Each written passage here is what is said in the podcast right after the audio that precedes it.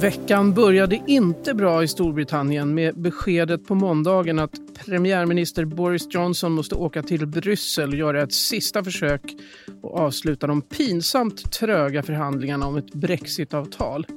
Men redan dagen därpå så tog Brexit hem massiva pluspoäng när landet blev först i Europa med att börja vaccinera mot covid-19.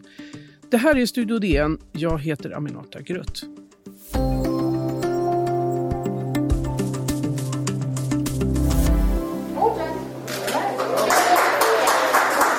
It hasn't sunk in yet.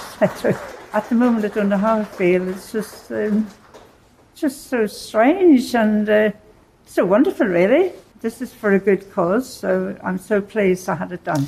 Ja, det där var Margaret Keenan, den allra första i Storbritannien som fick vaccinet och var jätteglad över det. Och applåderna hörde ni ju. Tisdagen den 8 december blev Storbritannien alltså först i Europa med att påbörja ett vaccinationsprogram mot covid-19. Och en som vet mer om det här det är Katrin Marsall, DNs medarbetare i London. Välkommen! Tack! Hur har stämningen varit i Storbritannien under tisdagen?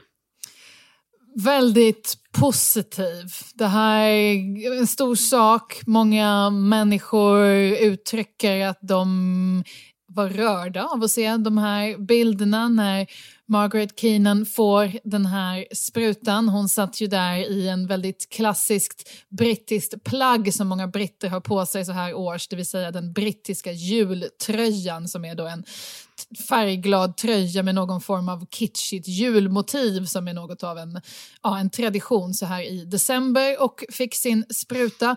Folk var rörda, glada, man har ju börjat släppa på restriktionerna här de senaste dagarna så att det är ganska positiv stämning så länge man inte pratar om Brexit förstås.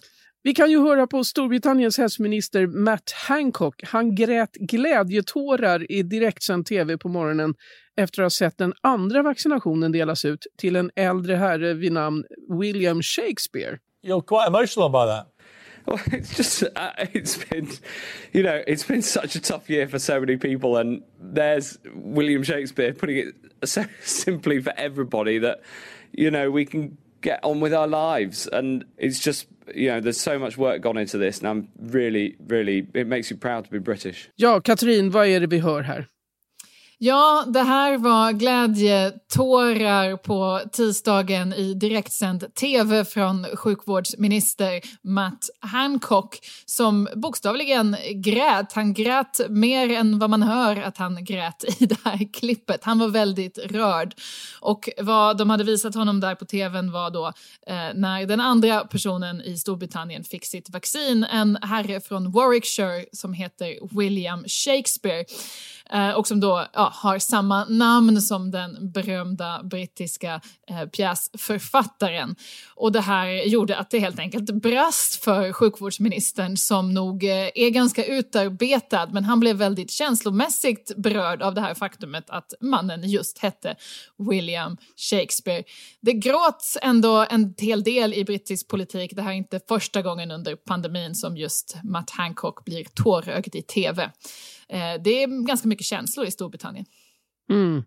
Hur kunde Storbritannien komma igång så här snabbt med sina vaccineringar före alla andra? Ja, ehm, en av förklaringarna är ju naturligtvis Brexit. Storbritannien har ju formellt lämnat EU sedan januari det här året, även om eh, det ekonomiskt fortfarande inte är någon skillnad utan det, det kommer först att förändras efter nyår eh, nästa år. Men Eh, Storbritannien kunde helt enkelt göra det här delvis för att man inte längre är medlemmar i EU och därför inte måste vänta på europeiska myndigheter för ett godkännande utan helt enkelt kunde, kunde köra själva. Och varför väntar man inte på andra med godkännandet? Ja, man såg väl inte poängen med det utan Storbritannien har ju drabbats hårt av pandemin. Eh, väldigt hårt, både i termer av antalet liv och också inte minst ekonomiskt. Så att man ville få det här så fort som, som möjligt.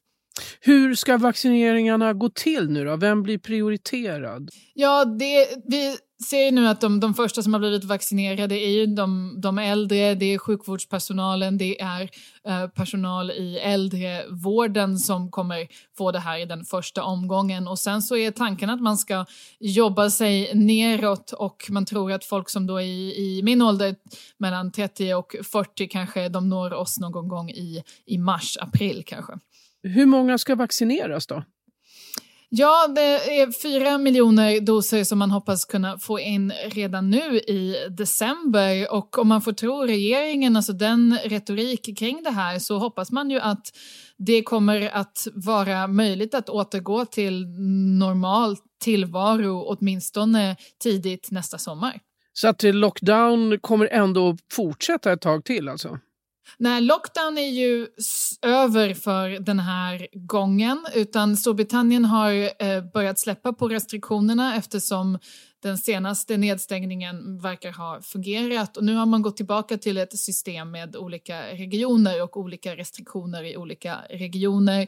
Ehm, och man, men man tror att det kommer att fortsätta vara restriktioner av olika slag som kommer att vara olika i olika delar av landet fram till åtminstone längre fram i vår när vaccineringen har, har kommit längre.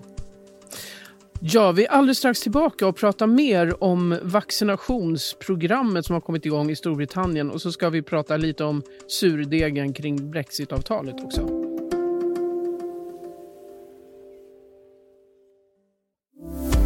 Vi pratar i Studio DN med Katrin Marsall om stämningen i Storbritannien, och glädjen över vaccinet och oron kring Brexit. Och det som alla undrar nu är väl framförallt hur lång tid det tar innan man kan börja leva som vanligt igen. Så här sa premiärminister Boris Johnson på tisdagsförmiddagen. People are having the vaccine for the first time and it will gradually make a huge, huge difference. But I stress gradually because, you know, we're not there yet. We haven't defeated this virus yet, and it's very important for people to understand. So, my message would be it's amazing to see the vaccine coming out. It's amazing to see this tremendous you know, shot in the arm for the entire nation, but we can't afford to relax now. Ja, Katrin, vad säger du om Boris Johnsons uttalande här? Ja, det är ju hans budskap. Han har ju också haft politiskt svårt i parlamentet på sista tiden med att motivera för delar av sitt parti de här fortsatt ändå relativt hårda restriktionerna. Och, eh, och det är just den här retoriken som han motiverar det hela med. Det här är liksom, vi är på upploppet, sista sträckan. Det är liksom inte, ingen har, av oss har, har råd att slappna av än, säger han, utan vi måste hålla ut några månader till, men nu, nu börjar vaccinet komma. Orkar britterna fortsätta vänta? Ja, det får vi ju se. Det är ju julen och eh, hur, vad som kommer hända här med, med julfirandet som, eh, som ingen vet och som diskuteras mycket naturligtvis. Alltså om vi kort ska ta upp också förhandlingarna om brexitavtalet som är inne på upploppet verkligen här nu efter fyra och ett halvt år. Vad är det som tar sån tid?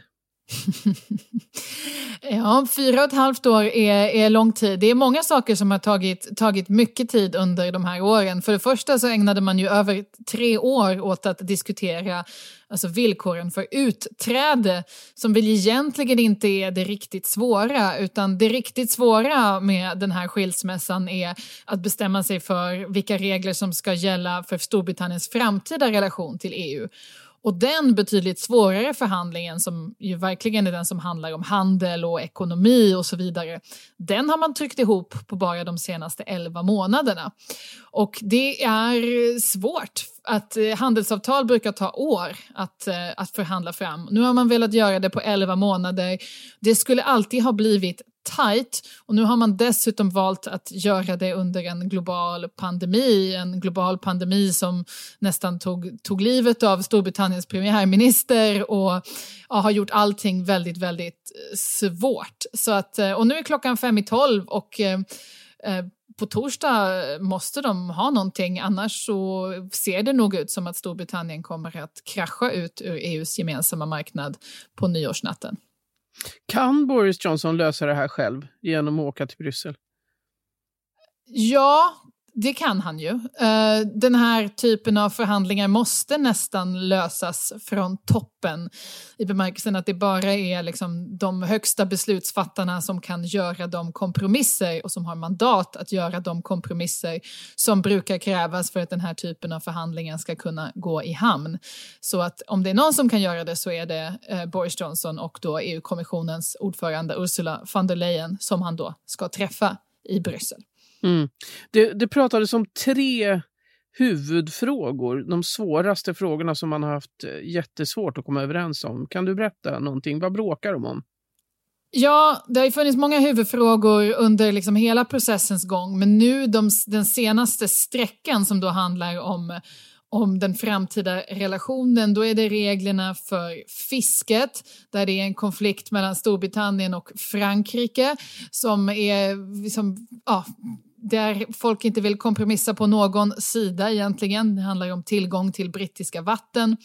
Den andra frågan är det som kallas för jämn spelplan, level playing field, som då handlar helt enkelt om i hur hög grad Storbritanniens nya regler på olika områden kan skilja sig från EUs Eh, och man fortfarande då kan, kan handla, handla mellan eh, EU och Storbritannien enligt det här avtalet som man skriver. Så det är egentligen Storbritanniens möjligheter att skilja sig från, från EU på olika områden som är viktigt. Och sen så det tredje frågan som är svår att komma överens om är hur allt det här egentligen ska, ska kontrolleras. Vilka instanser ska se till att de här reglerna följs? Och det är också känsligt. Mm. Men, och det här vaccinationsprogrammet som har kommit igång, igång nu då, kan det bidra till mer positiva tongångar även kring Brexit i Storbritannien. Har du någon tanke kring det? Alltså jag vet inte, det är ju lite paradoxalt att Brexit är en fråga som inte diskuteras sådär jättemycket just nu bland vanligt folk i Storbritannien skulle jag säga. Det finns en väldigt trötthet i, i alla de här turerna och det är klart att medierna skriver mycket om det och liksom politiken följer, följer med i det här men bland vanligt folk så är man man har liksom lite haft nog av den här brexitfrågan och någon liksom egentlig oro för vad som ska hända här om bara några veckor om det inte blir ett avtal. Måste man börja hamstra mat? Det finns överhuvudtaget inte. Folk har haft fullt upp med, med pandemin så att säga. Mm. Eh, men vad tror du nu då? På tisdagen var det väldigt positiva tongångar. Kommer det att fortsätta så här när vaccinationsprogrammet rullar ut? Ja, det beror ju på hur det går naturligtvis. Den brittiska regeringen har ju fått väldigt hård kritik det här året för hur man har hanterat olika delar av pandemin. Um, test, um, smittspårningen, test, testandet, allt sådant, att man var för sen med att stänga ner. Alltså Boris Johnson har ju fått kritik i varje steg här. Um, uh, än så länge så är det positiva tongångar kring hur man har lyckats med, med vaccinationen, men uh, vi får naturligtvis se. Tack så jättemycket Katrin Marsall, DNs medarbetare i London. Studio DN görs för Podplay, producent Sabina Marmelakai, exekutiv producent Augustin Erba, ljudtekniker Patrik Miesenberger, teknik Oliver Bergman, Bauer Media och jag heter Aminata Grutt.